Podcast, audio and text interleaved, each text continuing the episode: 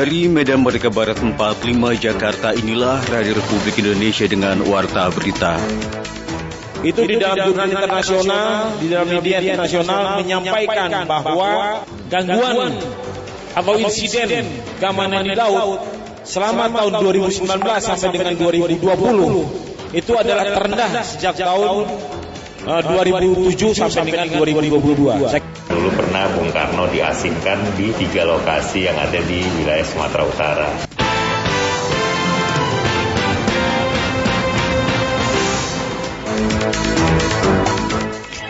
Sorry berita, dunia akui perairan Indonesia semakin aman. Peninggalan sejarah Bung Karno, pesanggerahan di Sumatera Utara akan direvitalisasi. Inilah warta berita selengkapnya hari Minggu tanggal 16 Januari 2022 bersama saya Sugandi Avandi. Dan saya Puspita Ayu.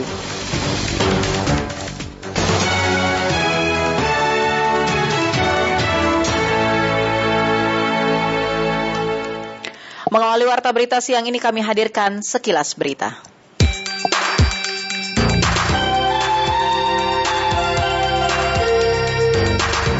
Gunung Merapi erupsi dengan tinggi kolom abu teramati sekitar 1.500 meter di atas puncak pagi tadi pukul 10 lebih 20 menit waktu Indonesia Barat.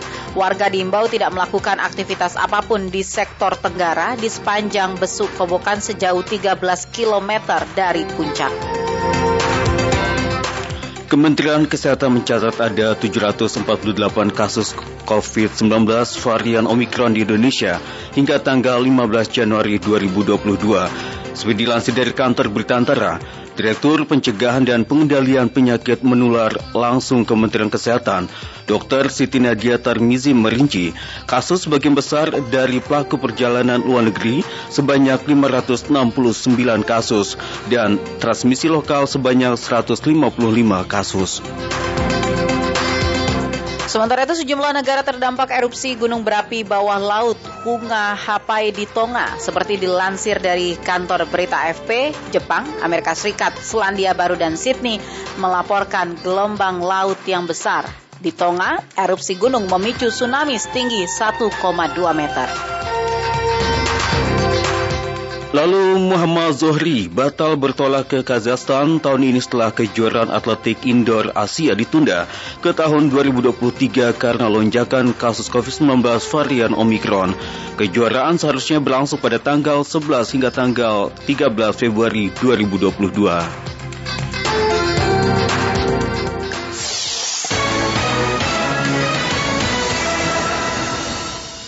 Ya, pendengar dunia mengakui keamanan perairan di Indonesia semakin aman, terutama di Selat Malaka.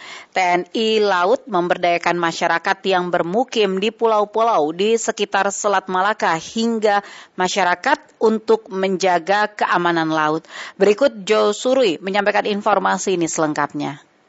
Untuk pertanyaan kedua, Tolong tampilkan kami. Tentara Nasional Indonesia Angkatan Laut bertugas di antaranya menjaga keamanan dan penegakan hukum di laut.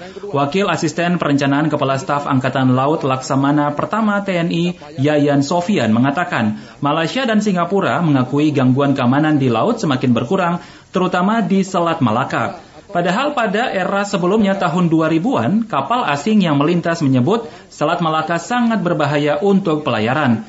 Penjelasan itu disampaikan Laksamana Pertama TNI Yayan Sofian dalam diskusi perang penegakan hukum di laut dalam mensukseskan Indonesia sebagai poros maritim yang digelar oleh Universitas Kristen Indonesia UKI MSTF Maritime Security Task Force IMB yang ada di Singapura maupun di Malaysia itu di dalam jurnal internasional, di dalam media internasional menyampaikan bahwa gangguan atau insiden keamanan di laut selama tahun 2019 sampai dengan 2020 itu adalah terendah sejak tahun uh, 2007 sampai dengan 2022. Saya kira demikian. Ya. Laksamana pertama TNI Yayan Sofian mencontohkan untuk gangguan di Selat Malaka tidak terkait dengan jaringan internasional, tetapi ekslasinya kecil oleh warga di sekitar untuk sekedar mencukupi kebutuhan hidup. Oleh sebab itu pihaknya terus melakukan pembinaan kepada masyarakat di sekitar Selat Malaka. Pendekatan secara humanis mereka kita bina, kita mereka kita data Terus kemudian ya saya sampaikan sama mereka, kalian kalau sudah tidak bisa dibina, ya urusannya akan berbeda. Sehingga itulah pendekatan-pendekatan yang dilaksanakan tidak hanya dengan pendekatan patroli, tetapi pendekatan sosial diberikan uh, pencerahan kepada mereka bahwa perairan kita itu sangat padat dan memberikan kesejahteraan kepada negara, kepada kita semuanya. Dan apabila terjadi gangguan keamanan di laut, itu akan sangat berimbas sekali. Nah pemahaman seperti itu yang telah diberikan ternyata sangat sangat signifikan sekali pengaruhnya. Sementara itu, staf ahli Menko Bidang Kedaulatan Wilayah dan Kemaritiman Kementerian Koordinator Politik, Hukum dan Keamanan Kemenko Polhukam Laksamana Muda TNI Antongan Simatupang mengatakan, pemerintah terus meningkatkan armada dan alat tempur TNI untuk menjaga keamanan perairan Indonesia. Ah, beginilah kondisi tetangga kita Guard semua negara-negara Asia trennya adalah membuat Coast Guard. Tidak seperti negara Eropa. Lalu bagaimana kesenjatanya? Inilah kesenjataan dari tetangga-tetangga kita. Bahkan sudah menggunakan kaliber 76 mm, menggunakan falang. Falang itu uh, untuk self defense artillery. Kemudian juga bagaimana dengan kita ke depan? Ini yang menjadi tantangan bagi kita.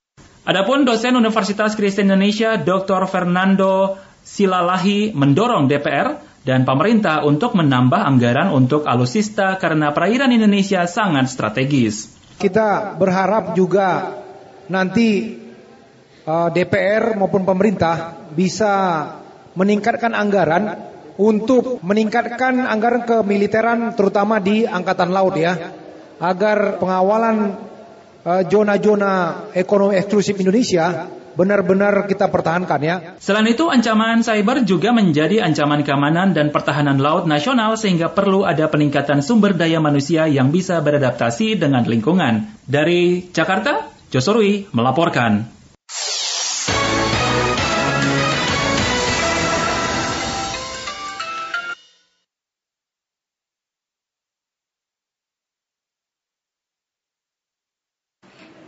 Ya, kerusakan akibat gempa yang berpusat di Sumur Pandeglang juga dirasakan warga desa Bantarwangi, Kecamatan Cinangka, Kabupaten Serang, Provinsi Banten. Setidaknya ada enam unit rumah warga yang rusak. Berikut kami hadirkan informasi ini bersama Rohmanuddin. Rohmanuddin.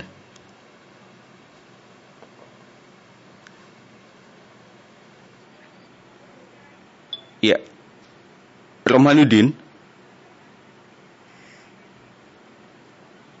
Ya, kita mengalami gangguan komunikasi ya. Nanti kita akan melanjutkan kembali informasi terkait dengan update gempa bumi yang juga dirasakan dampaknya oleh warga desa Bantarwangi.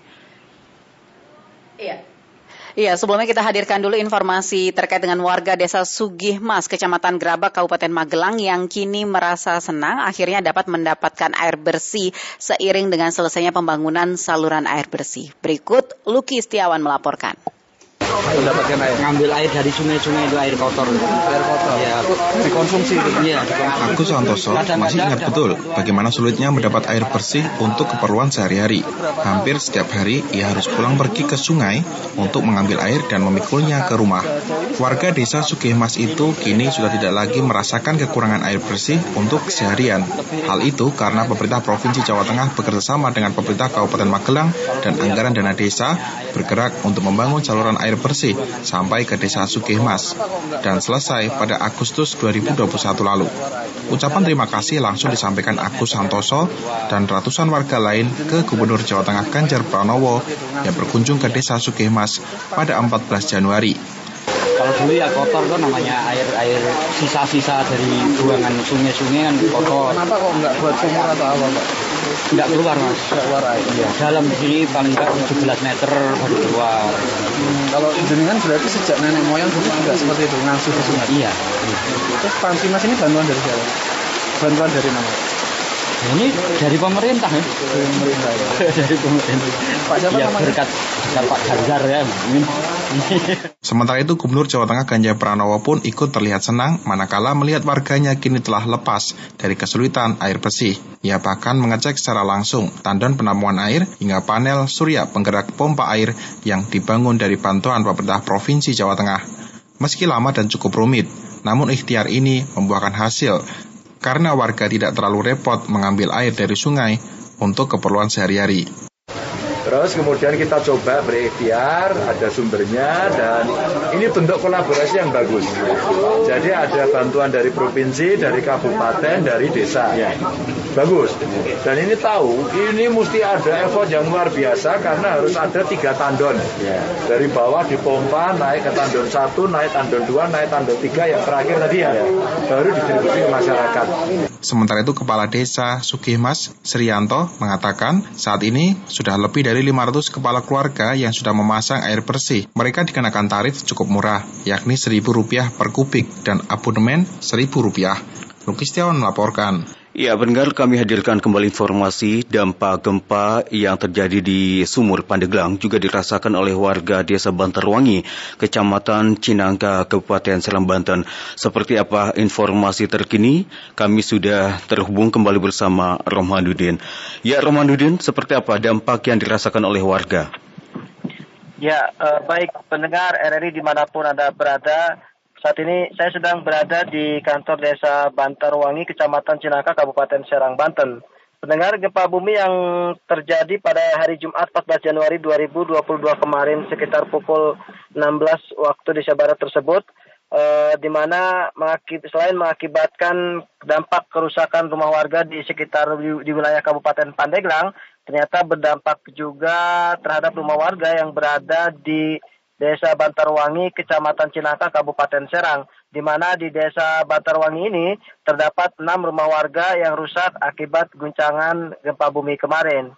Uh, berdasarkan informasi, enam rumah warga yang rusak tersebut berada di tiga kampung di Desa Bantarwangi, di mana terdapat di Kampung Dahu, Kampung Calung, dan Kampung Pancung. Berdasarkan keterangan dari Kaur Desa Bantarwangi, Bapak uh, apa namanya Bantarwangi bahwa uh, bantuan sudah diterima oleh para korban yang rumahnya terdampak dengan uh, gempa bumi tersebut. Adapun bantuan yang diterima oleh korban yakni uh, berupa sembako dan material untuk memperbaiki uh, rumah yang rusak akibat uh, gempa tersebut. Demikian dari informasi yang dapat saya informasikan kaitan dengan dampak uh, gempa bumi yang terjadi di Kecamatan Sumur, Kabupaten Pandeglang. Meski demikian, pemerintah Desa Bantarwangi sendiri masih berharap uh, agar pemerintah dari kabupaten, provinsi maupun pusat agar dapat membantu uh, korban yang terdampak gempa enam warga tersebut. Uh, demikian yang dapat saya informasikan dari Desa Bantarwangi, Kecamatan Cinaka, Kabupaten Serang. Saya Romanuddin melaporkan kembali ke studio.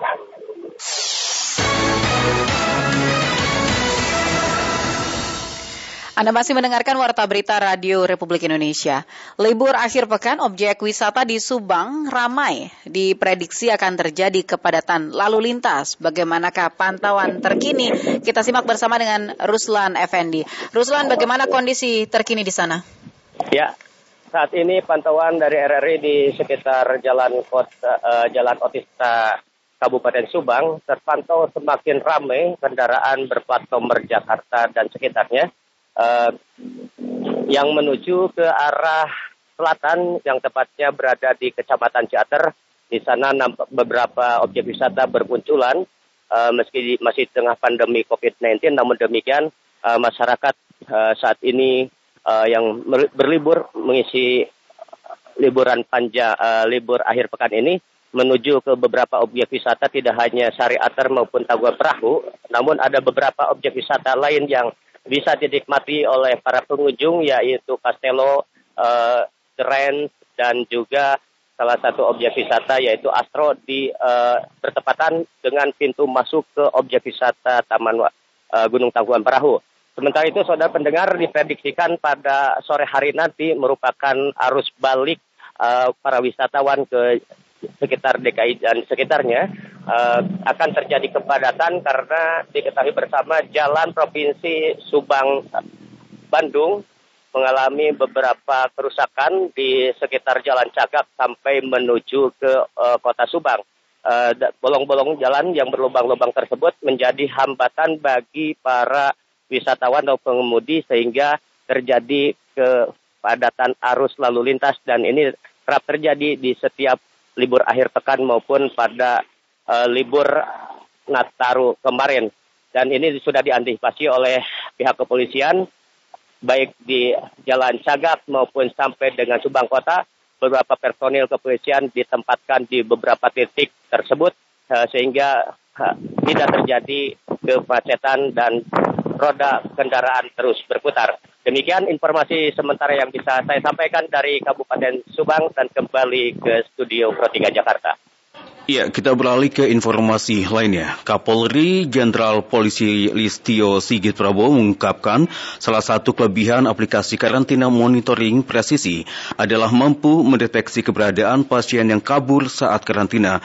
Aplikasi akan berbunyi sehingga memudahkan pencarian. Dan kami hadirkan informasi ini dari kota Denpasar bersama Hikmah Terharjo. Pada saat masyarakat keluar, kita juga uh, bisa melakukan pencarian, pengejaran dan kemudian uh, kita berikan syarat khusus sehingga kemudian di handphone orang yang kabur tersebut juga berbunyi. Kapolri Jenderal Polisi Listio Sigit Prabowo melakukan kunjungan kerja di Bali. Dalam kunjungan kerja ini, Kapolri mendatangi sejumlah lokasi meliputi SMP Kristen Satu Harapan, Pelabuhan Benoa, dan juga Hotel Prime Plaza. Pucuk pimpinan Korps Tribrata itu di SMP Kristen Satu Harapan mengecek sarana prasarana protokol kesehatan dan proses belajar mengajar di kelas. Sementara di Pelabuhan Benoa, Listio Sigit Prabowo mengecek posko, aktivitas masuknya pelaku perjalanan luar negeri atau PPLN, dan implementasi aplikasi monitoring karantina presisi. Sedangkan di Hotel Prime Plaza, Kapolri memastikan proses karantina dan implementasi aplikasi monitoring presisi. Jenderal Listio Sigit Prabowo menjelaskan, aplikasi presisi untuk membantu pengawasan bagi masyarakat yang menjalani karantina. Aplikasi ini dilengkapi dengan fitur-fitur yang bisa digunakan untuk berbicara langsung atau live chat. Kemudian juga sedang kita lengkapi dengan aplikasi Find People. Kapolri menyampaikan aplikasi presisi mempermudah petugas memonitor pekerja migran Indonesia PMI dan pelaku perjalanan luar negeri PPLN yang sedang menjalani karantina. Bahkan ketika PMI atau PPLN keluar lokasi karantina tanpa izin, aplikasi presisi akan mengirimkan notifikasi khusus. Ini juga untuk memudahkan kita untuk uh, mengambil kembali. Di samping tentunya uh, dengan aplikasi ini, maka begitu sudah keluar dari area tertentu akan muncul notifikasi akan bunyi sirine yang memudahkan kita untuk kemudian melakukan pencarian. Listio Sigit lebih lanjut menjelaskan, aplikasi presisi akan memunculkan titik terakhir PMI dan PPLN yang tengah menjalani karantina. Durasi pengawasan melalui aplikasi presisi berlaku sesuai ketentuan karantina yang ditetapkan pemerintah. Reporter RRI Denpasar Hikmat Raharjo melaporkan.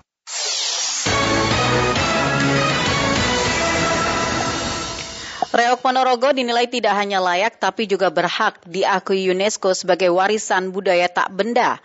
Berikut Yusron Al-Fatah melaporkan.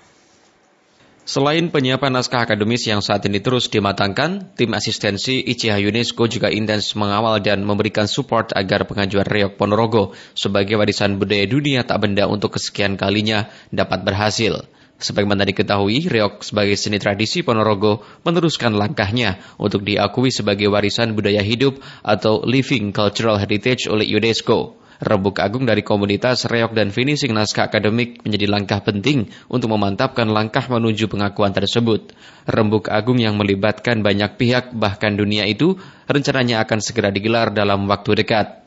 Koordinator Tim Asistensi Intangible Cultural Heritage atau ICH UNESCO, Hami Wahyunianto mengatakan bahwa Reok Ponorogo bukan hanya layak, namun sudah sangat berhak untuk menjadi warisan budaya Indonesia dan dunia dengan daya dukung dan instrumen yang ada. Nah, kesimpulan kami sebenarnya Reok Ponorogo ini sangat berhak, ya bukan hanya sangat layak, sangat berhak, berhak. untuk menjadi warisan budaya tak benda Indonesia dan itu sudah. Kemudian bahkan menjadi warisan budaya tak benda dunia yang listed atau terdaftar di UNESCO.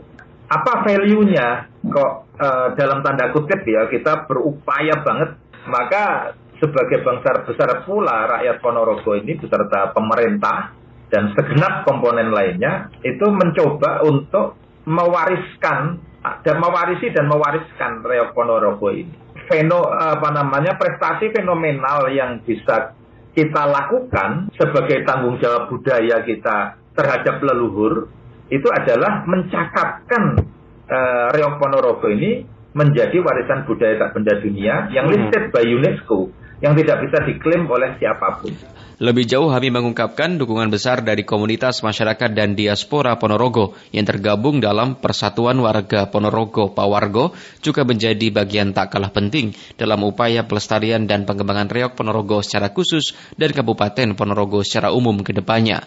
Bahkan Bupati Sugiri Sancoko sudah ancang-ancang menjadikan cucu Presiden Soekarno yang tak lain Ketua DPR RI Puan Maharani sebagai brand ambassador atau duta reok Ponorogo. Yusron Al-Fatah melaporkan. Pemerintah Provinsi Sumatera Utara akan melakukan revitalisasi tiga peninggalan sejarah, yakni Pesanggrahan Bung Karno di Prapat, Brastagi, dan Kota Nopan.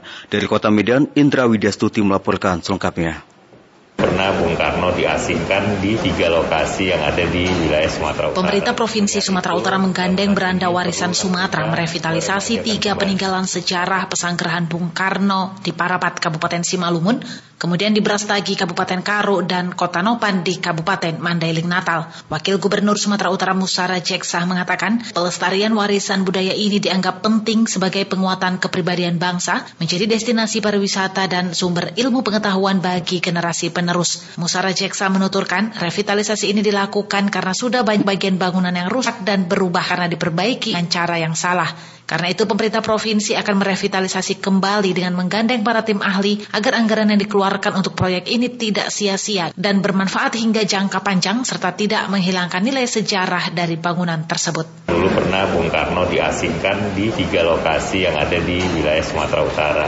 Melihat itu, bangunan ini perlulah kita meremajakan kembali karena fungsinya selama ini ada yang sudah berubah baik material baik segala sesuatu belum lagi ada memang bangunan ini yang perlu diperhatian khusus direstorasi karena umur yang begitu lamanya. Kita tidak mau sebatas merenovasi biasa-biasa saja tidak. Sementara Ketua Bidang Penelitian dan Kebijakan Publik Beranda Warisan Sumatera Isnen Fitri menyampaikan bangunan Villa Pesanggerahan Bung Karno di Brastagi, Parapat, dan Kota Nopan memiliki nilai historis yang tinggi karena Soekarno sebagai bapak bangsa pernah ditahan selama satu bulan di Brastagi dan 12 hari di Parapat. Sementara di Pesanggerahan Kota Nopan, Bung Karno pernah berpidato membangkitkan semangat kepada rakyat Indonesia yang saat itu terancam kemerdekaannya. Jadi Bung Karno untuk bangunan villa itu pernah uh, diasingkan selama selama 12 hari di Brastagi dan sebulan di Prapat. Nah, nilai ini menjadi sangat tinggi karena Bung Karno adalah bapak bangsa.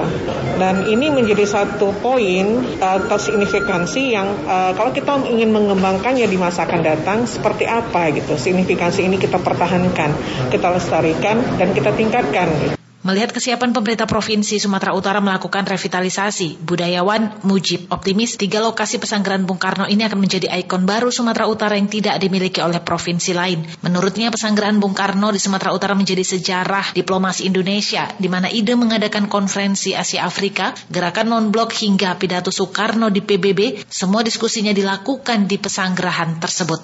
Indra Widyastuti melaporkan.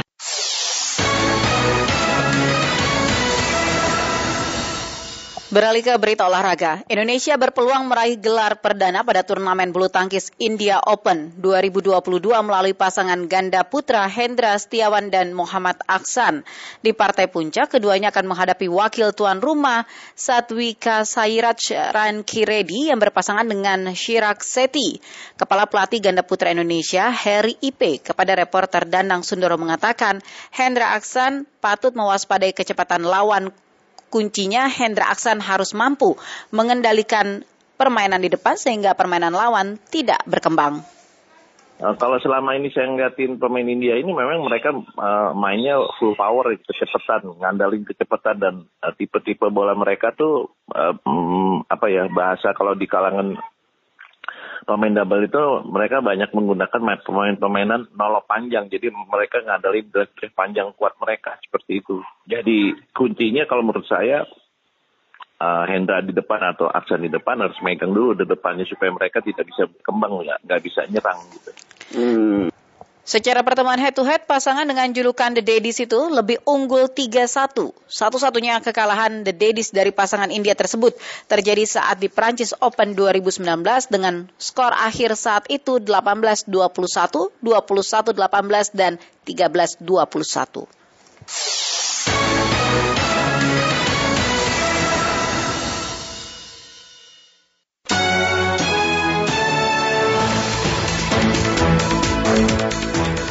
Selepas ini kami akan menghadirkan kembali Indonesia Menyapa Siang. Tetaplah bersama kami, saya Sugandi Avandi. Dan saya Puspita Ayu. Anda juga bisa memperbarui informasi-informasi Anda melalui kanal berita resmi kami di www.rri.co.id serta Anda juga bisa update beragam informasi terkini melalui media online kami dan juga melalui Instagram serta Twitter at RRI Programa 3.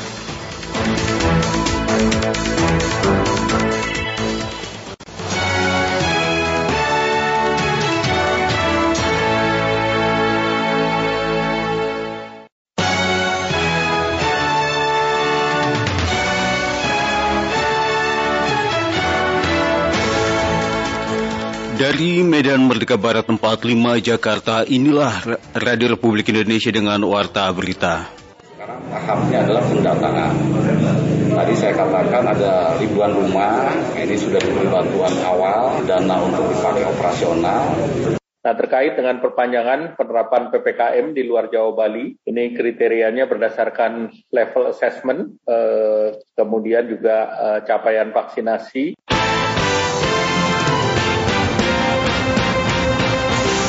Sari berita, ribuan rumah rusak akibat gempa Banten akan dapat dana stimulan. PPKM luar Jawa Bali diperpanjang hingga 31 Januari 2022.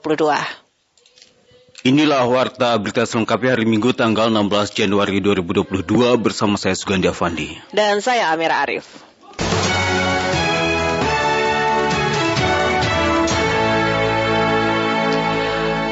Mengawali warta berita malam ini, kami hadirkan sekilas berita utama. Kementerian Agama menghentikan sementara penerbangan jamaah umroh mulai 15 Januari. Pemerintah akan mengevaluasi skema One Gate Policy, yaitu mewajibkan seluruh jamaah umroh yang tiba di asrama haji Pondok Gede langsung screening kesehatan dan kelengkapan dokumen. Evaluasi juga memantau perkembangan Omikron di Indonesia dan di Arab Saudi. Indonesia kembali menerima vaksin COVID-19 dari Jepang. Seperti dilansir dari kantor berita antara, total vaksin COVID-19 dari pemerintah Jepang sebanyak 6,8 juta dosis. Pengiriman dibagi menjadi empat kloter. Kloter pertama dan kedua sudah tiba kemarin, sementara kloter berikutnya pada tanggal 18 dan tanggal 19 Januari 2022. Kedutaan Besar Republik Indonesia di Wellington menyebutkan ada empat WNI yang tidak dapat dihubungi karena putusnya jaringan komunikasi akibat erupsi gunung di bawah laut di Tonga hingga menimbulkan tsunami. KBRI meminta masyarakat untuk tetap waspada. BMKG Jepang memprediksi tsunami setinggi 3 meter dampak dari erupsi gunung di bawah laut yang terjadi di Tonga. Seperti dilansir dari Japan Times, pemerintah meminta 210 warga di tujuh prefektur untuk menjauhi pantai.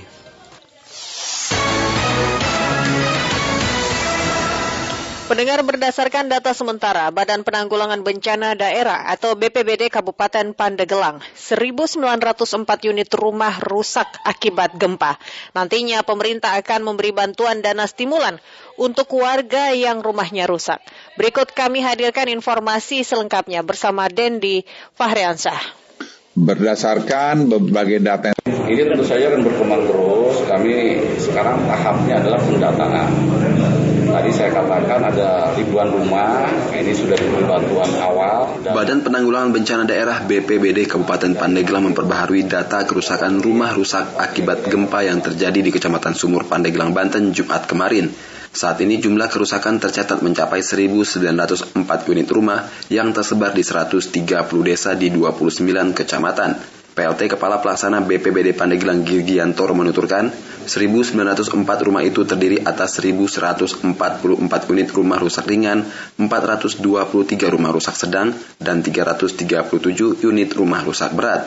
Menurutnya, data itu diperoleh dari hasil pendataan para camat. Nantinya BPBD akan melakukan verifikasi dan validasi terhadap rumah-rumah rusak itu guna diberi bantuan. Selain rumah warga, penambahan kerusakan juga terjadi di fasilitas umum milik pemerintah, seperti puskesmas yang kini tercatat ada 14 titik yang mengalami kerusakan, lalu 36 sekolah, 3 kantor desa, dan 10 sarana ibadah. Para camat dilaporkan oleh kami, nanti akan kami eh, verifikasi dengan validasi Pak. Tergantung dari kecamatan, nanti kan ini, eh, kecamatan terus mendata apa? Ya, kita kan sudah uh, menetapkan Pak status uh, keputusan bupati. Ya dengan uh, intinya kan penanganannya manusianya dulu Pak. Baru nanti belakang uh, kalau masuk pasca uh, rehab dan rekon baru itu bangunannya. Yang oh. penting kan uh, manusianya dulu diurus dulu Pak. Sementara Kepala Badan Nasional Penanggulangan Bencana BNPB Letjen TNI Suharyanto saat meninjau salah satu lokasi terdampak gempa di Kecamatan Sumur mengingatkan pemerintah daerah untuk mendata sebaik mungkin rumah yang terdampak bencana gempa bumi. Sebab nantinya rumah-rumah yang rusak akibat gempa akan mendapat bantuan dengan nominal yang bervariasi. Ini tentu saja akan berkembang terus. Kami sekarang tahapnya adalah pendataan. Tadi saya katakan ada ribuan rumah, ini sudah diberi bantuan awal, dana untuk dipakai operasional. Nanti dari hasil pendataan itu akan terlihat berapa kira-kira yang akan dibantu. Ada namanya dana stimulan. Pemerintah hadir dengan memberikan stimulan 50 juta. Kemudian yang rusak sedang 25 juta dan yang rusak ringan 10 juta. Paling tidak dengan kehadiran pemerintah dengan bantuan-bantuan itu sedikit meringankan dari penderitaan dari warga masyarakat. Selanjutnya Kepala BNPB juga meminta agar posko darurat segera dibentuk dan meminta agar keselamatan masyarakat menjadi prioritas utama dalam penanganan darurat. Adapun saat ini, pemerintah Kabupaten Pandeglang telah menetapkan status tanggap darurat selama 14 hari. Dari Pandeglang, Banten, Dendi Fahrensyah melaporkan. Pemerintah kembali memperpanjang masa PPKM untuk luar Pulau Jawa dan Bali hingga tanggal 31 Januari 2022 atau selama 14 hari. Pengumuman itu disampaikan oleh Menteri Koordinator Bidang Perekonomian Airlangga Hartarto dalam ketan pers secara virtual seperti yang diliput Tegar Hanif berikut ini.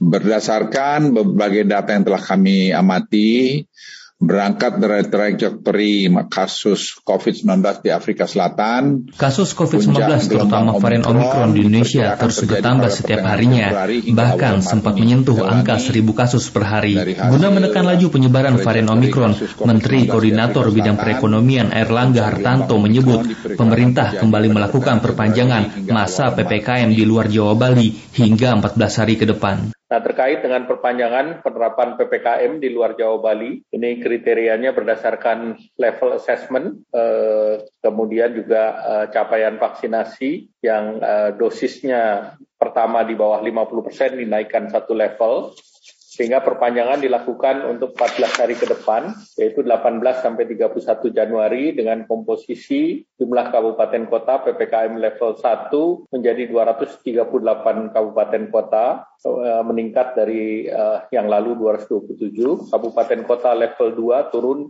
menjadi 138 kabupaten kota dari uh, eh, 148 kemarin karena mereka sudah bergeser ke level 1 dan dengan PPKM level 3 tinggal 10 kabupaten kota dan di level 4 nol kabupaten kota.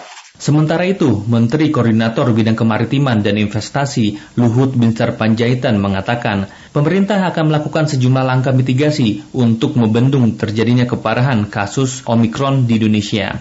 Selain akselerasi vaksin booster, penegakan protokol kesehatan juga akan dilakukan secara masif. Salah satunya adalah hanya masyarakat yang sudah vaksin dosis lengkap yang dapat beraktivitas di tempat publik. Dengan terjadinya peningkatan kasus menyentuh angka 1000 kasus per hari, pemerintah telah menyiapkan berbagai langkah mitigasi untuk membendung terjadinya keparahan lebih dalam yang disebabkan varian ini. Pemerintah akan melakukan akselerasi vaksin booster bagi seluruh masyarakat, utamanya yang tinggal di wilayah Jabodetabek, Jabodetabek dan penegakan protokol kesehatan yang dilakukan lebih masif untuk menahan laju penyebaran kasus. Persyaratan masuk ke tempat publik akan diperketat hanya yang sudah vaksinasi dua kali dapat beraktivitas di tempat publik. Saya ulangi, hanya yang sudah vaksinasi dua kali dapat beraktivitas di tempat publik. Selain itu, Luhut juga kembali menghimbau masyarakat untuk tidak bepergian ke luar negeri jika tidak memiliki kepentingan yang sangat mendesak. Dari Jakarta, Tegar Hanif, Pro 3 RRI melaporkan. Maskapai Garuda Indonesia berkomitmen untuk meningkatkan daya jual UMKM di Yogyakarta dengan meluncurkan program kelebihan bagasi maksud kami kelebihan bagasi khusus sehingga penumpang tidak khawatir kelebihan bagasi karena membeli banyak oleh-oleh. Upaya ini untuk membantu UMKM yang terdampak pandemi COVID-19. Berikut kami hadirkan informasi selengkapnya bersama dengan Rosihan Anwar. Orang yang mengantar keluarganya dan mahasiswanya datang di Jakarta, baliknya bawa oleh-oleh supaya, supaya mereka benar-benar apa namanya dirasakan juga bukan hanya oleh penerbangannya tapi juga oleh UMKM Eh, dan apa namanya pengusaha-pengusaha Maskapai milik pemerintah Garuda Indonesia menyatakan komitmennya untuk membantu sektor ekonomi UMKM termasuk di Yogyakarta. Hal itu diungkapkan Direktur Utama PT Garuda Indonesia Irfan Setiaputra kala beraudiensi dengan Gubernur Daerah Istimewa Yogyakarta Sri Sultan Hamengkubuwono ke-10. Sebagai salah satu destinasi wisata terfavorit di tanah air, Yogyakarta didatangi jutaan wisatawan setiap tahunnya. Sebab itu selain menambah jadwal penerbangan dari dan menuju Yogyakarta International Airport, Garuda Indonesia juga meluncurkan program spesial Excess Baggage untuk penumpang agar lebih leluasa membeli oleh-oleh ataupun cenderamata produk UMKM Yogyakarta. Tadi juga bicara soal inisiatif kita mengenai excess baggage. Jadi kalau penumpang pesawat itu kan sering ada overweight ya. Jadi kami saat ini mendorong pada para pengunjung Yogyakarta untuk bisa menggunakan fasilitas penerbangan dengan excess baggage karena kita tekan harganya semurah mungkin sehingga bisa beli banyak oleh-oleh kalau keluar dari Jogja gitu kan. Pihak Garuda Indonesia menurut Irfan Setiaputra menegaskan tak pernah menutup rute perjalanan internasional selama ini. Berkurangnya rute internasional dari seluruh maskapai di Indonesia murni dalam rangka pembatasan sosial serta mencegah penularan COVID-19. Sebab itu Garuda Indonesia akan mencoba mengaktifkan kembali beberapa rute penerbangan internasional yang melibatkan Yogyakarta demi meningkatkan kunjungan wisatawan serta mengangkat potensi UMKM. Supaya nggak salah, jadi ya, kita nggak ya. pernah nutup penerbangan internasional. Kita memang agak batasi, tapi tetap ada. Yang kedua, kami menjanjikan ke beliau untuk terus-menerus ya memonitor ekspor, tapi juga uh, ini ya jumlah penerbangan saat ini kan baru dua per hari ya. ke Yogyakarta di Jakarta. Tentu kita akan monitor terus dan pelan-pelan kita akan tingkatkan. Sementara itu, General Manager Garuda Indonesia cabang Yogyakarta, Dian Ediono, mengharapkan program spesial Access Baggage dapat dimanfaatkan seluas-luasnya bagi penumpang yang menggunakan layanan Garuda Indonesia. Program ini diharapkan dapat membangkitkan kembali sektor UMKM di Yogyakarta. Kita umumkan, kita datangin tempat-tempat oleh-oleh, kita sampaikan bahwa kalau membawa kelebihan bagasi itu nggak mahal. Sehingga banyak orang yang berkunjung ke sini itu membawa tidak sedikit oleh-olehnya, tapi lebih banyak lagi. Meski mulai kembali menggeliat, namun roda perekonomian di Yogyakarta belum sepenuhnya bangkit seperti halnya di masa sebelum pandemi. Contohnya saja, sebagai daerah wisata, tingkat penghunian kamar pada hotel berbintang di Yogyakarta baru di angka 41,13 persen pada tahun 2021 lalu, atau jauh lebih rendah jika dibandingkan tahun 2019 yang mencapai 58,91 persen.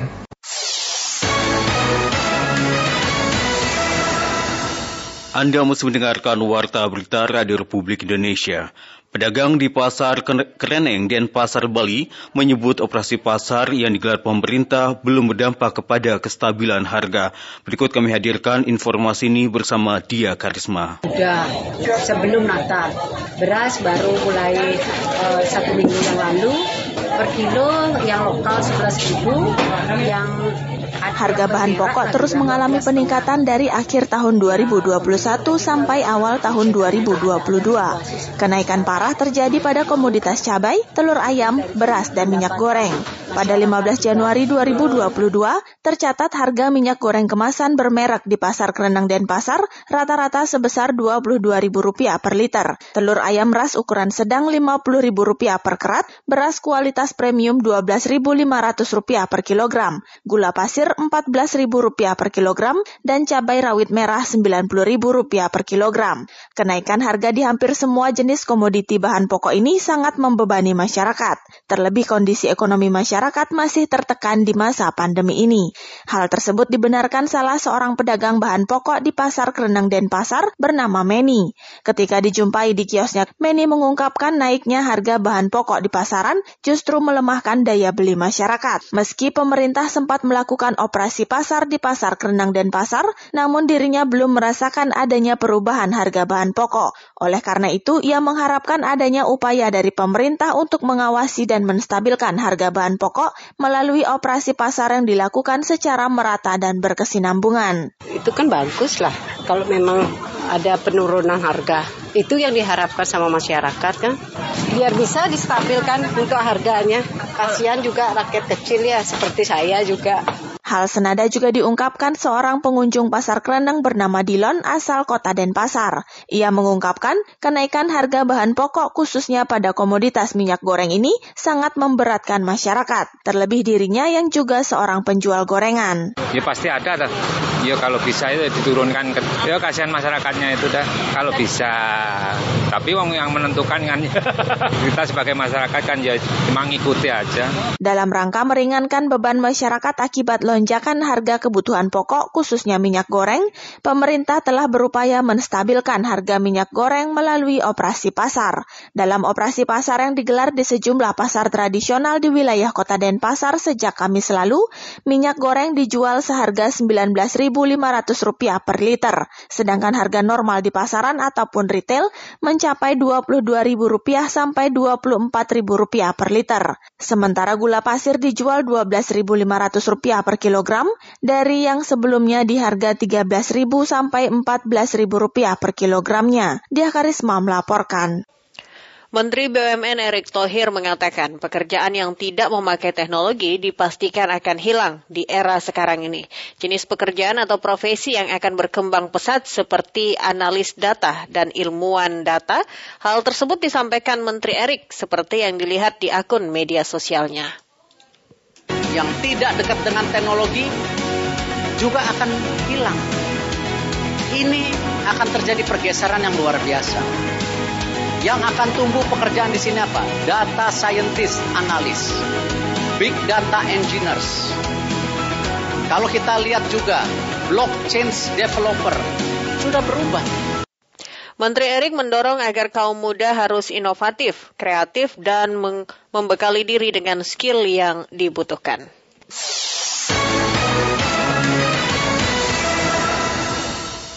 Organisasi umat Hindu di Jawa Timur meminta polisi untuk mengusut tuntas kasus penendang sesajen di lokasi bencana Gunung Semeru termasuk mengungkap motifnya. Berikut Beni Hermawan melaporkan. Demi menjaga kerukunan antar umat beragama di Jawa Timur, DPD Brajaniti Hindu Indonesia Jatim meminta polisi mengusut tuntas penendang sesajen di lokasi bencana Gunung Semeru. Wakil Ketua Bidang Hukum dan Politik DPD Brajaniti Hindu Indonesia Jatim Iketut Suardana mengatakan permintaan maaf yang dilayangkan pelaku bukan berarti proses hukum yang ada juga berakhir.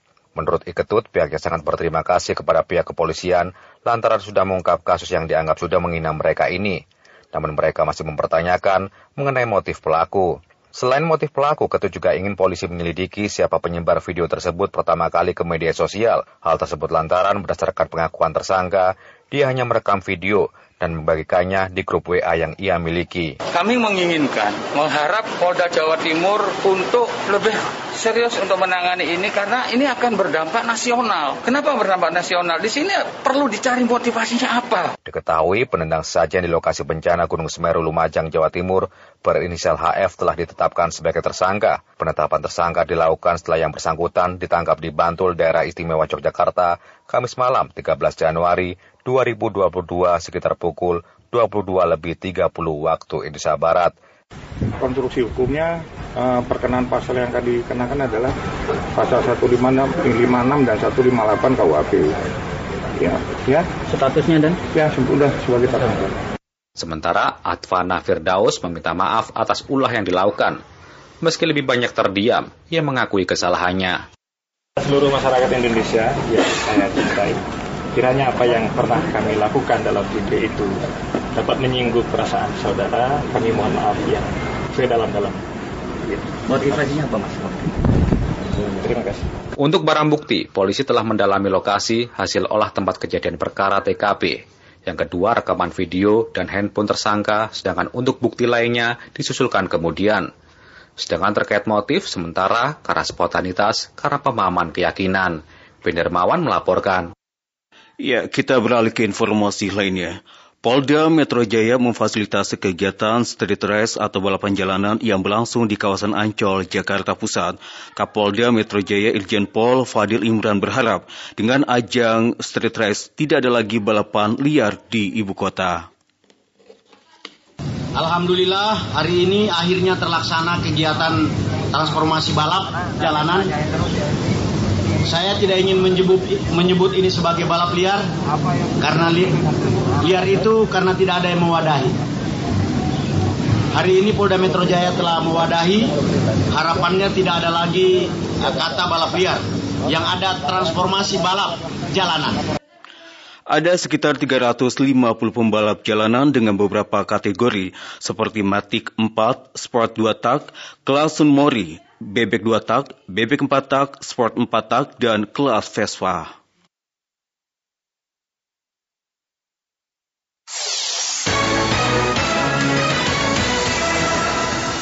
Komunitas keluarga migran Sumeneb meminta pemerintah memberikan perhatian bagi tenaga kerja yang dideportasi sehingga mereka memiliki penghasilan. Berikut Rukaya Zain melaporkan.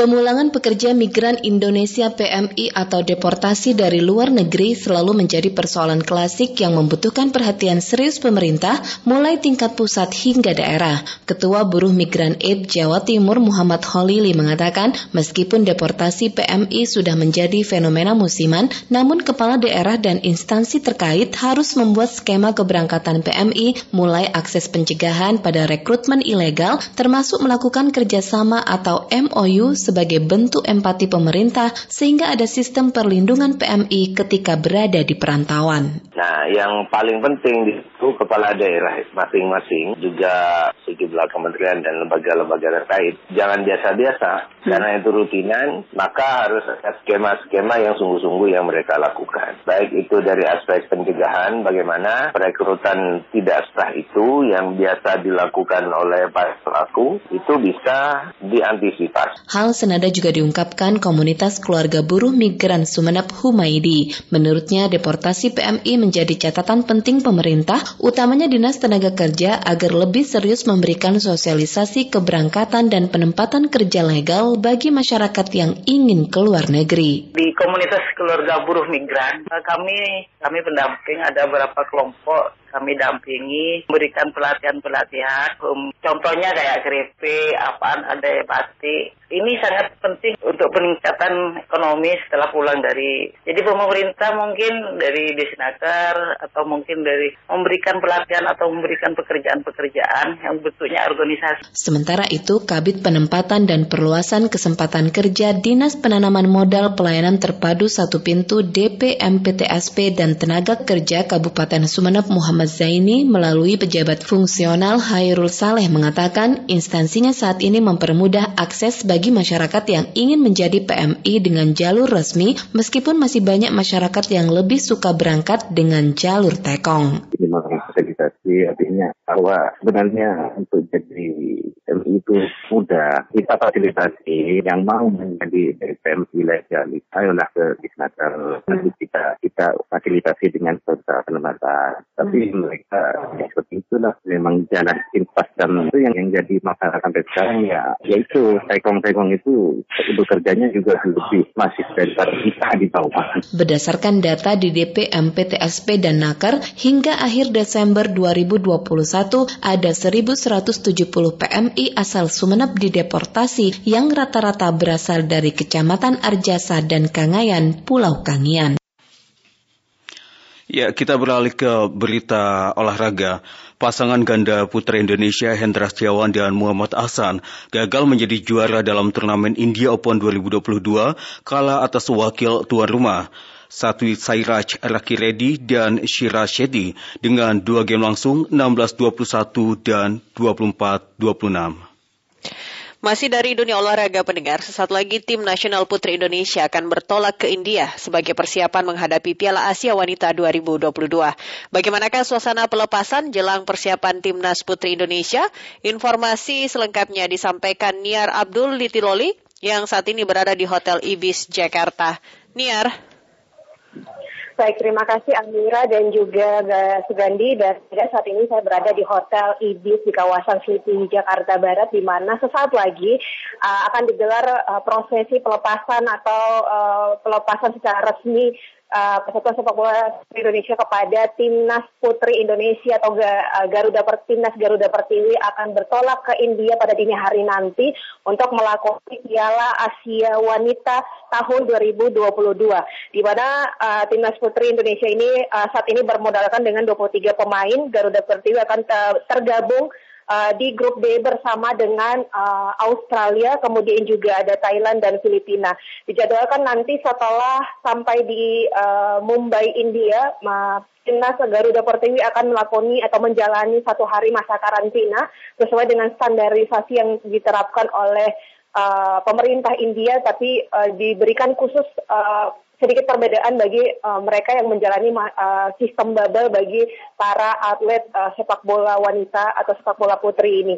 Dan nantinya setelah menjalani satu hari masa karantina, timnas putri akan bersiap untuk melakoni perdana melawan Australia di tanggal 21 Januari mendatang. Meskipun memang Australia disebut-sebut sebagai salah satu tim kuat atau kandidat juara gelaran uh, Piala Asia Wanita ini, namun Indonesia sepertinya punya persiapan yang cukup baik. Terlebih juga dari kekuatan yang dimiliki beberapa uh, pemain sudah tergabung di klub ke klub uh, tanah air dan salah satu yang mungkin beberapa hari belakangan menjadi pemberitaan media bahwa uh, timnas putri memiliki salah satu kekuatan yaitu Salika Aurelia yang saat ini dikontrak secara resmi oleh tim Serie B Italia uh, un uh, untuk bermain di Eropa nanti. Dan nantinya dia juga akan tergabung uh, bersama dengan uh, tim Garuda Pertiwi di uh, India nanti. Namun Salika tidak akan berangkat bersama-sama dengan rekan-rekannya dari Jakarta, namun dia akan bertolak dari Italia langsung ke uh, ke India untuk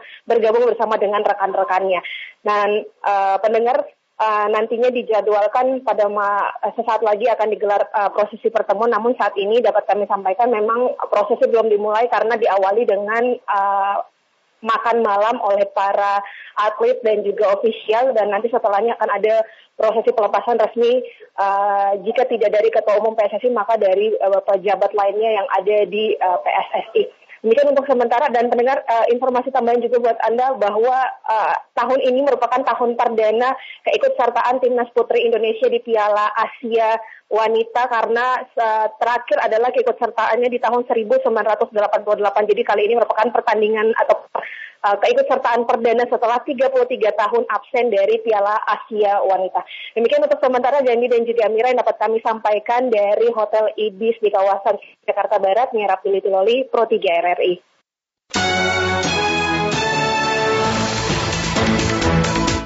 Selepas ini kami akan menghadirkan kembali Indonesia Menyapa Malam. Dapatkan juga beragam informasi aktual dari portal resmi kami di www.rri.co.id serta ikuti media sosial terverifikasi kami di Instagram dan Twitter at RRI Programatika. Saya Amir Arif. Dan saya Sugandi Avandi.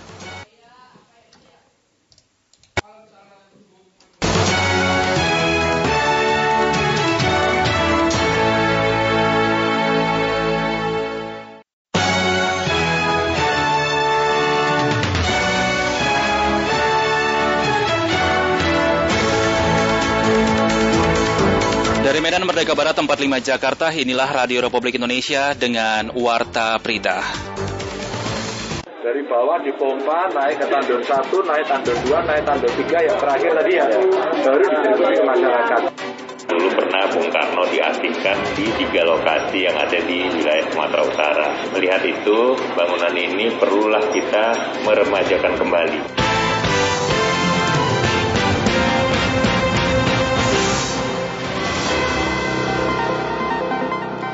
Sari berita, pembangunan saluran air bersih di Desa Sunggihmas, Kabupaten Magelang telah selesai dilaksanakan. Pemerintah Provinsi Sumatera Utara akan merevitalisasi tiga pesanggerahan Bung Karno. Inilah warta berita selengkapnya Minggu 16 Januari 2022 bersama saya Jo Sorui.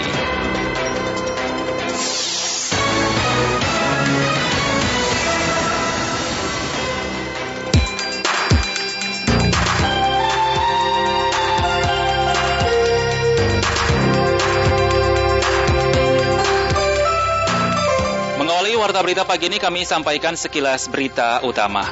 Polda Metro Jaya hari ini mengerahkan sekitar 500 personil untuk mengamankan ajang balap jalanan di Jalan Kali Inspeksi Ancol, Jakarta Utara. Bupati Pandeglang, Irna Narulita, menyampaikan separuh dari sekitar 200 warga yang mengungsi akibat terdampak gempa Banten sudah kembali ke rumah masing-masing. Enam lokasi di Kota Bogor, Jawa Barat, yakni sekitar Terminal Baranang Siang, Simpang Bogor Selatan, Simpang Irama Nusantara Bogor Tengah, depan pom bensin Veteran Bogor Barat, Bundaran Air Mancur Tanah Sareal, dan depan rumah makan Bumi Aki Bogor Utara hanya dapat dilintasi kendaraan bermotor berplat genap pada penerapan ganjil genap hari ini.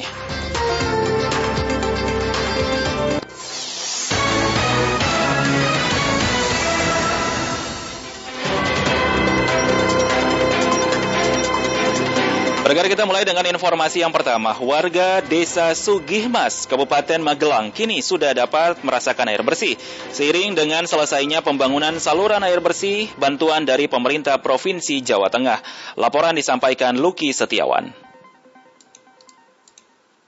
ngambil air dari sungai-sungai itu air kotor air kotor? Ya dikonsumsi iya Aku Santoso masih ingat betul bagaimana sulitnya mendapat air bersih untuk keperluan sehari-hari.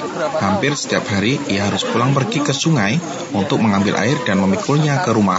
Warga desa Sukihmas itu kini sudah tidak lagi merasakan kekurangan air bersih untuk keseharian hal itu karena pemerintah Provinsi Jawa Tengah bekerjasama dengan pemerintah Kabupaten Magelang dan anggaran dana desa bergerak untuk membangun saluran air bersih sampai sampai ke desa Sugihmas dan selesai pada Agustus 2021 lalu. Ucapan terima kasih langsung disampaikan Agus Santoso dan ratusan warga lain ke Gubernur Jawa Tengah Ganjar Pranowo yang berkunjung ke desa Sugihmas pada 14 Januari. Kalau dulu ya kotor tuh namanya air air sisa-sisa dari buangan sungai-sungai kan kotor. Kenapa kok nggak buat sumur atau apa, Pak?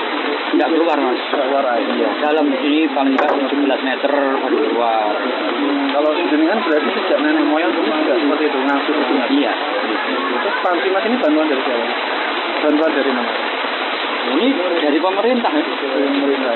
dari pemerintah. Pak siapa ya? Berkat Bapak Ganjar ya.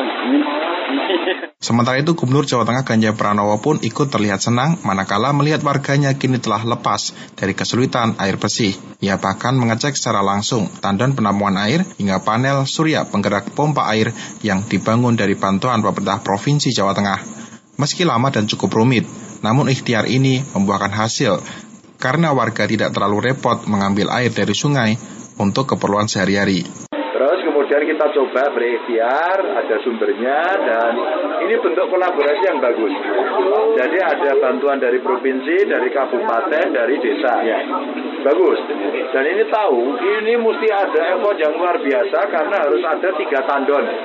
Dari bawah dipompa, naik ke tandon satu, naik tandon dua, naik tandon tiga, yang terakhir tadi ya, baru distribusi ke masyarakat. Sementara itu Kepala Desa Sukimas Srianto mengatakan saat ini sudah lebih dari 500 kepala kepala keluarga yang sudah memasang air bersih. Mereka dikenakan tarif cukup murah, yakni Rp1.000 per kubik dan abonemen Rp1.000.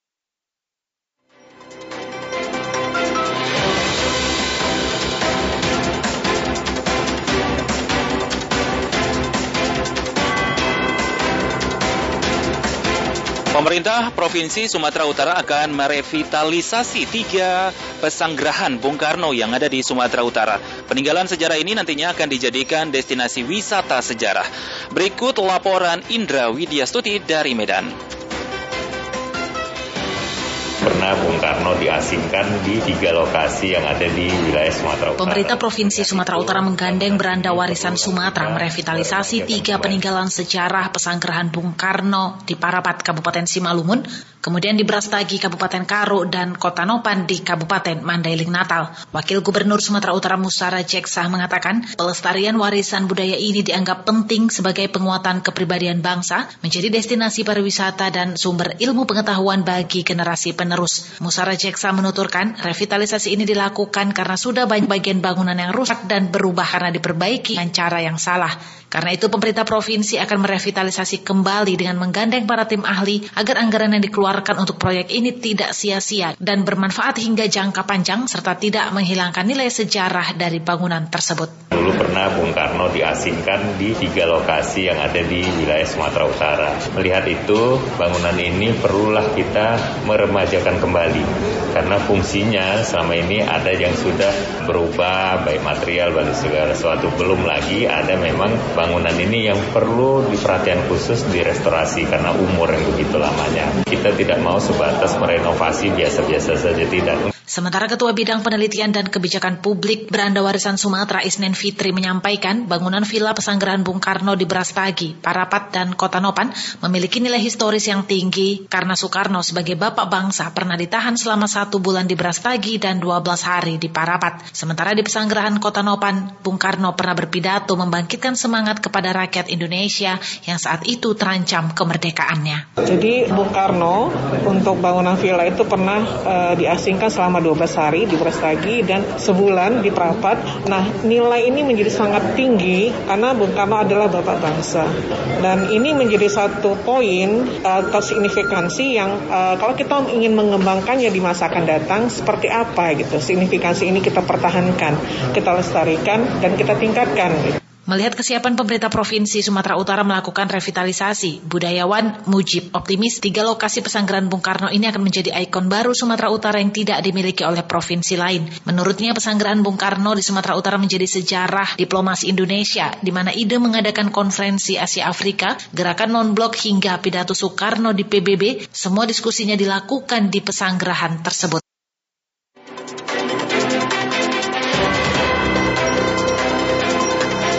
Setelah lama cukup sepi pengunjung pada akhir pekan ini objek wisata Candi Plausan atau Candi Kembar di Perambanan, Klaten cukup ramai pengunjung. Berikut Adam Susanto menurunkan laporannya.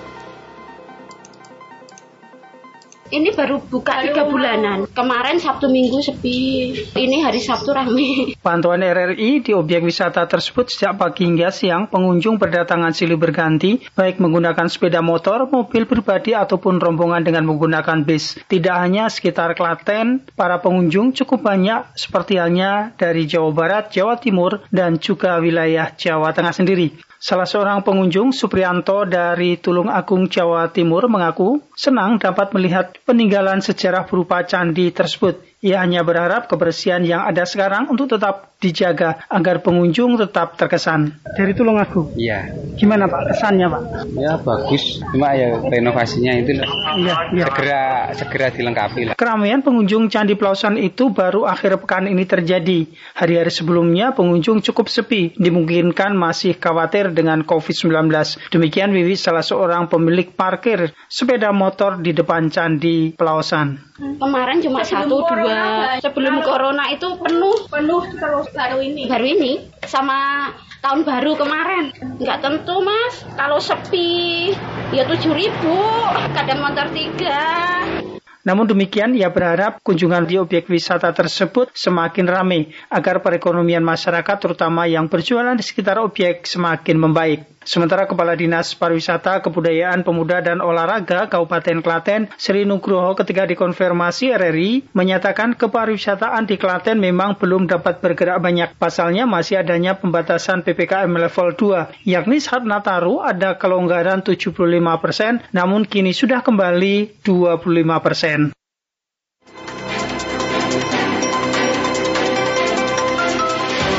Sementara itu pendengar jelang perayaan Tahun Baru Cina atau Imlek 2573 1 Februari mendatang, beberapa lampion atau tenglok kesejahteraan telah mulai dipasang di tempat peribadatan Kelenteng Sehin Kiong Padang. Informasi selengkapnya dilaporkan Armen Ramli. Lampion itu 300-an lah. Cuman umat baru pasang sekitar 200. Kepada RRI, Humas Kelenteng Sihingkiong Padang, Indrali mengatakan untuk saat ini pemasangan lampion atau tenglong kesejahteraan baru dipasang di sekitar halaman dan dalam kelenteng itu sendiri. Dijelaskannya, lampion ini merupakan sumbangan dari umat dengan tujuan untuk keselamatan keluarga dan kemakmuran. Selain itu, lampion juga merupakan salah satu ciri khas atau kebudayaan masyarakat Tionghoa di seluruh dunia, termasuk di kawasan Pondok, Kota Padang, yang dipasang ketika akan memasuki suasana perayaan Tahun Baru Imlek Menurutnya jumlah lampion yang ada di kawasan kelenteng Sihin Kiong Padang berjumlah 300 tenglong. Tenglong itu lampion itu 300-an lah. Cuman umat baru pasang sekitar 200 lah. Yang di jalan belum yang di kelenteng aja baru. Karena di kelenteng itu kan biasanya se 15 hari sebelum uh, Imlek itu sudah sudah dinyalain dah. Sementara itu salah seorang umat, Faisal usai melaksanakan ibadah di kelenteng Sihingkiong Padang berharap di tahun baru Imlek ini semoga aktivitas masyarakat kembali normal dan begitu juga dengan perekonomian masyarakat. Harapannya itu sehat-sehat semoga baik-baik ya semua. Ekonomi kita gimana? Supaya lancar lah. Karena corona ini gimana? Kalau corona nggak memang nggak sepi lah. Hal senada juga diutarakan oleh Elvi. Pada Imlek tahun ini, segala kegiatan kembali berjalan lancar. Kerukunan antar umat beragama tetap terjaga dengan baik. Lebih bagus, lebih baik, virusnya jauh perginya hilang lah gitu. Ah, ekonomi kita gimana? Ekonomi kalau bisa sih lebih lebih lebih bagus lah dari tahun-tahun sebelumnya.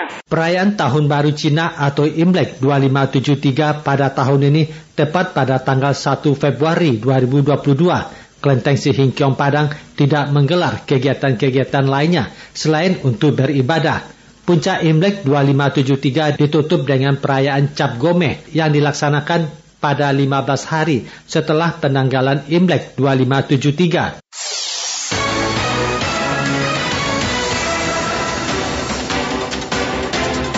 Terima kasih Anda masih mendengar Warta Berita Produksi Radio Republik Indonesia. Berikut kami hadirkan penelusuran tim RRI Surabaya mengenai sepenggal kisah di kaki Mahameru bersama narator Beni Hermawan.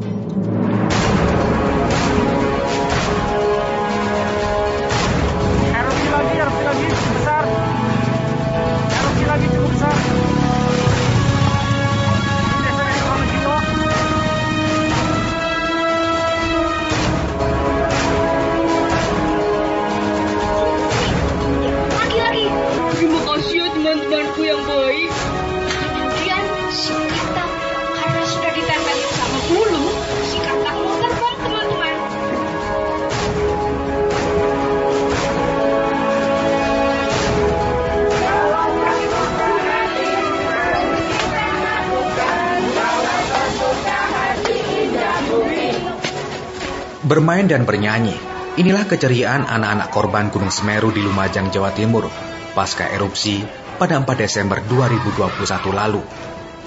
Meski saat ini tinggal di tempat pengungsian imbas awan panas guguran yang meluluhlantakkan tempat tinggal mereka, anak-anak ini diajak berdiri tegak, melupakan rasa trauma pasca bencana yang terjadi.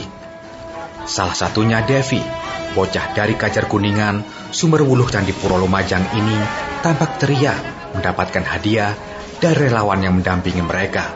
Boneka ini apa ini? Nah, kincir angin. Begitu pula Kusnul. Meski sempat menangis mengenang desanya yang luluh lanta akibat erupsi, ia tampak ceria. Tawa lepas terlihat. Main, teman-teman, boneka sama mainan. Ya, inilah aktivitas anak-anak di Balai Desa Condropuro, Lumajang, Jawa Timur. Mereka tampak interaktif dan bahkan terdengar tadi mereka e, menyanyi begitu.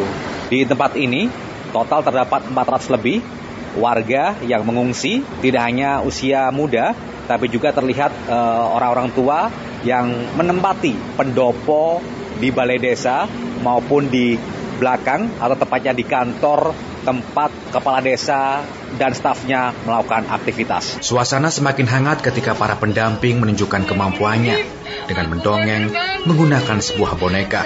Dengan duduk melingkar di dalam tenda, anak-anak ini tampak antusias. Mayoritas dari mereka masih tampak berusia di bawah tujuh tahun.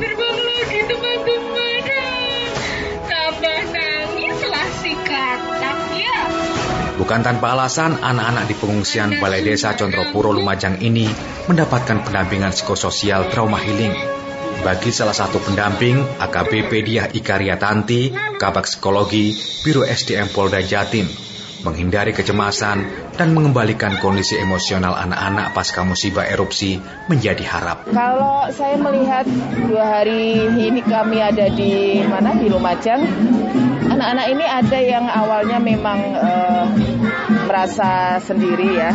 Tapi setelah kami berikan kegiatan, kita berikan khususnya kegiatan anak-anak, antusias semangat itu terlihat sekali mas. Karena kita memang tidak sendiri di sini. Artinya kami juga uh, sinergitas sama TNI, khususnya yang dari dinas kepolisi, uh, dinas psikologi AL. Kemarin kita juga dapat informasi bahkan ada yang uh, siapa neneknya atau ibunya yang belum ketemu atau kan atau bapaknya tapi sejauh ini mereka masih dalam pantauan masih bisa masih bisa mengikuti kegiatan-kegiatan trauma yang kita berikan. Tidak hanya Ria Tanti, pendampingan kepada anak-anak korban erupsi juga dilakukan dua mahasiswa berbeda kampus. Meski awal tak saling kenal, mereka dedikasikan dirinya menjadi relawan mandiri untuk peduli dengan sesama kendati harus menempuh waktu satu jam lebih hanya untuk sampai di pengungsian. Ini kita aja semalam semalam kan kita habis maghrib tuh pulang dulu kan mandi. Kita bilang ke adiknya kita mau mandi. Terus pas kita mau balik itu hujan deras ternyata dan mereka tuh nge WhatsApp langsungan. Ditunggu. Iya, aku nggak ke sini. Iya. Terus pagi tadi aja pagi tadi itu di chat jam setengah delapan ya. Nggak rene mbak. Kayak gitu langsung kayak ya ampun mau ninggal itu gimana? Soalnya kayak tiba-tiba deket gitu aja ya Sofia nggak apa ya udah kayak tiba-tiba ini udah akrab kayak udah Ini pertama kali ya? Ini pertama kali kan. Apa yang disampaikan Huriah Nabila, mahasiswa semester 5 Fakultas Kedokteran Universitas Hang Tua Surabaya ini menjadi gambaran. Bantuan psikis bagi mereka yang terdampak bencana lebih dibutuhkan bagi mereka yang mencoba bertahan bangkit. Senada dengan Nabila, Sofi mengatakan mengetuk empati menjadi hal utama. Ia juga menceritakan bagaimana kedekatan mereka dengan anak-anak di pengungsian. Namanya Akbar itu kalau diajak ngobrol tuh kayak jempol, jempol dan akhirnya uh, malamnya itu baru bisa akrab dan malamnya itu baru bisa di, mau bicara sama saya gitu. Dan akhirnya nempel terus tubuh saya tadi. Bahkan ibunya aja bilang kayak gini, ini pada apa anak saya tuh biasa tidur siang mbak, cuma belajar ada mbak-mbak itu jadi main, terus bener-bener main, terus tak suruh istirahat bentar ya gitu. Enggak, terus tak bilang loh, apa kita mau sholat dulu gitu. Iya, tak tunggu. Bener-bener ditunggu di tenda itu. Diakui atau tidak, hidup di pengungsian tidaklah mudah. Saling berhimpitan dengan lainnya menjadi pemandangan. Namun di balik itu, ada harap yang tersirat dari wajah-wajah mereka. Termasuk tempat tinggal yang layak untuk dijadikan tempat tinggal. Kondisi rumah sejauh mana? Aduh, ya itu Pak saya pikirkan kalau pengungsi ini sudah pulang semua, saya ini pulang ke mana gitu. Rumah hancur? Hancur, tertimbun lapa. Ya, Pak.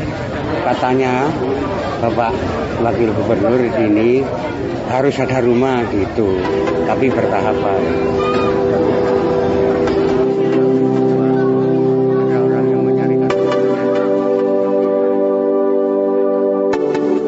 Suparman warga Curah Koboan ini juga menceritakan bagaimana erupsi yang datang begitu cepat. Tidak ada tanda-tanda, Pak. Tidak ada dentuman apa-apa pun. Tiba-tiba Tiba-tiba pasir datang. Lapa itu. cepat ya? Iya. Geladak perak dari geladak perak itu ke kampung Renteng itu tidak ada satu menit, Pak. Tidak ada satu menit. Makanya banyak banyak korban orang itu juga gitu pak nggak tahu datangnya Kakek 60 tahun ini satu dari ribuan warga yang mengungsi.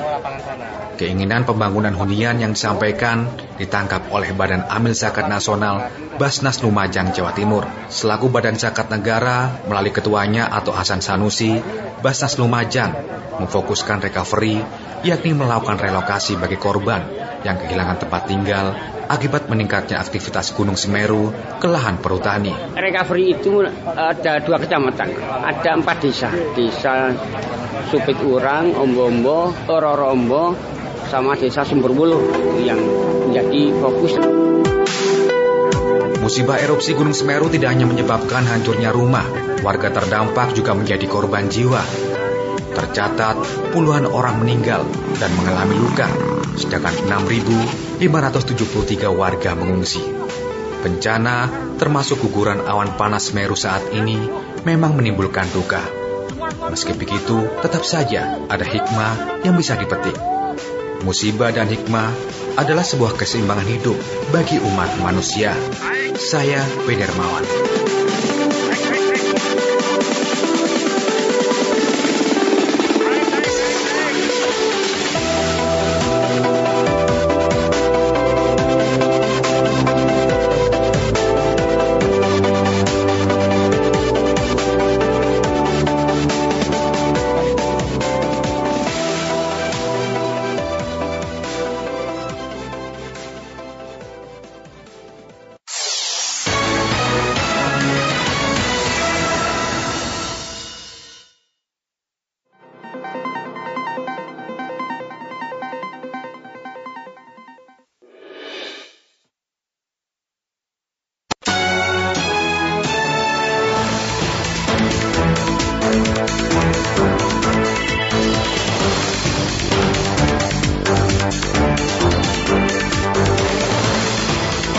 Warta Berita Pro 3 Radio Republik Indonesia. Kami harap Anda tetap bersama kami dalam program Indonesia Menyapa Pagi.